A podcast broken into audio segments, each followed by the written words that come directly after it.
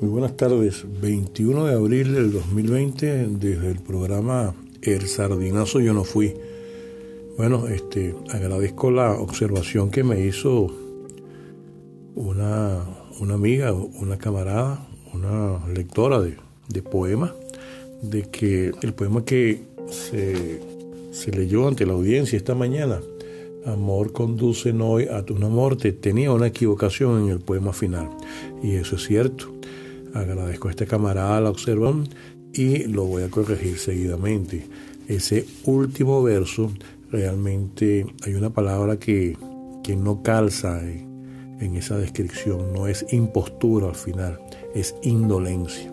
Y bueno, pido disculpas, asumo mi responsabilidad y bueno, dice así, ese último estrofa del poema dice así, pero amar es también cerrar los ojos, dejar que el sueño invada nuestro cuerpo como un río de olvido y de tinieblas, y navegar sin rumbo a la deriva, porque amar es al fin una indolencia. De eso se trata, se trata de aceptar la crítica y bueno, agradezco la aguda observación que me hizo esa compañera, esa camarada. Ella también es una lectora asigua de los poetas latinoamericanos y es válido. Eh, pido disculpas mm, tanto a ella como a la audiencia en general. Y bueno, esa es una observación que quería hacer en el programa del día de hoy, que hoy va a ser muy corto. Hoy vamos a, a comentar eh, un artículo que publicó Sergio Rodríguez, parte de ese artículo, eh, Sergio Rodríguez en el año 2017, que tiene que ver con lo que está pasando tres años después. Eh, los hipócritas de América tiemblan y donde dice, el artículo está escrito por el presidente, por las actuaciones del presidente Donald Trump y eh, el, escritor, el periodista Sergio Rodríguez, lo habla de manera descarnada, muy, muy centrado en la crítica. Dice así, que un presidente de Estados Unidos amenace a otros con una intervención militar si no cumple lo que su administración ordena es una redundancia desde finales del siglo XX, cuando las iniciales 13 colonias que le dieron vida a ese país comenzaron su expansión hacia el oeste, avasallando a los pueblos originarios de esas regiones, destruyendo sus civilizaciones y culturas. Ya en el gobierno de John Adams, segundo presidente de Estados Unidos que comenzó en 1797, se aprobaron las leyes de extranjería y sedición, que significaron de alguna forma la legalización de la amenaza contra los ciudadanos de un país considerado hostil en ese momento. De manera tal que no nos extraño, no nos extrañe que ahora en estos eh, postrimerías de, los años 2018, 19, 20, Donald Trump, siguiendo el ritual de sus ansores, haya amenazado a Venezuela con una intervención militar que siempre se está agudizando y siempre se está extendiendo la amenaza contra la República Bolivariana de Venezuela. Eh, solo ha cambiado el formato al 9 de marzo del 2015, cuando el, el presidente de esa época, Barack Obama, emitió un decreto que declaró a Venezuela como una amenaza, entre comillas, para la seguridad de Estados Unidos. Ya desde el 2015, si no antes, se venía ventilando esta amenaza para el país mm, eh, expositor de la revolución bolivariana.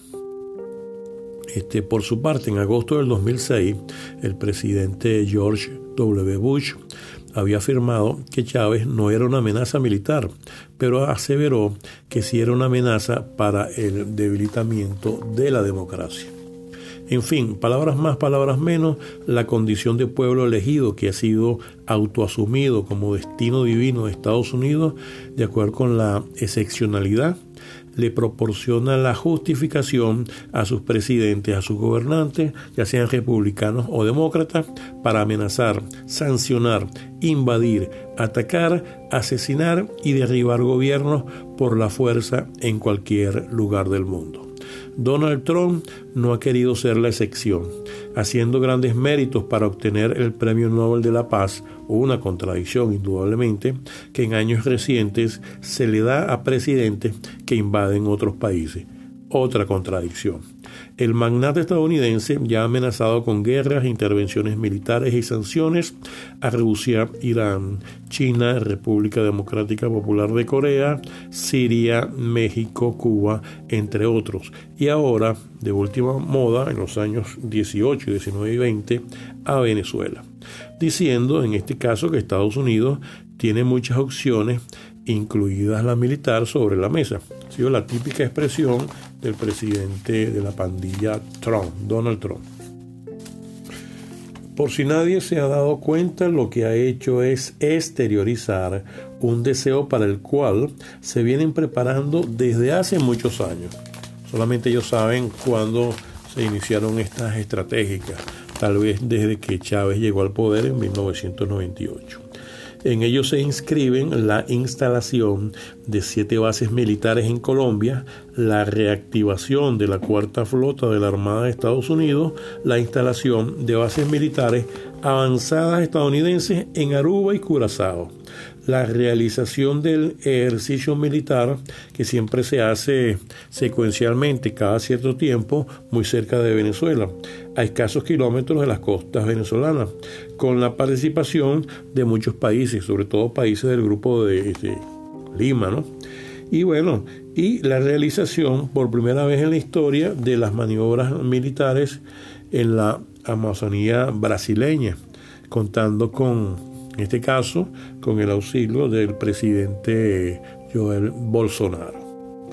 Bueno, durante estas participaciones de tropas de Brasil, Colombia y Perú, que se han subordinado de manera genuflexa a Estados Unidos, hay una gran idea operativa elaborada por el Comando Sur estadounidense. Terminamos con esto. Todas estas acciones son expresión fehaciente de los planes para esta opción militar mencionada por Donald Trump y por presidentes norteamericanos anteriores. Para los que crean que eh, estamos paranoicos, miren el mapa, coloquen todas las acciones bélicas o prebélicas antes señaladas y se darán cuenta de que en el centro geográfico de todos estos aprestos operativos militares está la República Bolivariana de Venezuela. La pregunta que surge entonces es, ¿por qué es distinto lo que ha dicho Trump de lo que ha sido una rutina en el lenguaje agresivo de los gobernantes estadounidenses durante los últimos 200 años? Lo que marca la diferencia es que estamos ante el que tal vez sea el primer presidente estadounidense que abiertamente ha mostrado en días recientes, desde hace tres años, una idea menguada de lo que significa el legado nazifascista que acosa a Estados Unidos a través de supremacistas blancos no repudiados por él. Al contrario, su actitud fue de absoluta contemplación ante el hecho desvergonzoso donde el gobierno de Israel ha guardado silencio frente a esos brutales acontecimientos.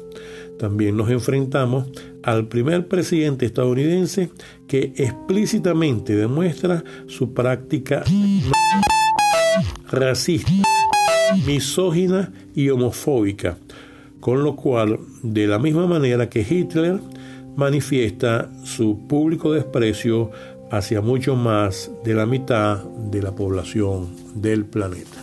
Bueno, esto fue el artículo de Sergio Rodríguez, publicado hace, hace dos años, el 22 de agosto del 2017. Y bueno, esto realmente leerlo ahora está dictando una misma lectura una misma coyuntura actual. Esa es la geopolítica con la cual se enfrenta Venezuela en estos momentos, no solamente contra la pandemia, una pandemia que está azotando al planeta entero, sino con esa persistente maniobra de intervención militar hacia Venezuela. Bueno, cuando son las 3 eh, de la tarde y 18 minutos, llegamos al final del programa El Sardinazo Yo No Fui del día de hoy.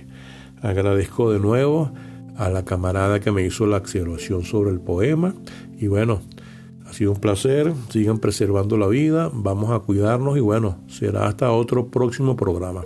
Les habló David Morales Cabrera, el 40482.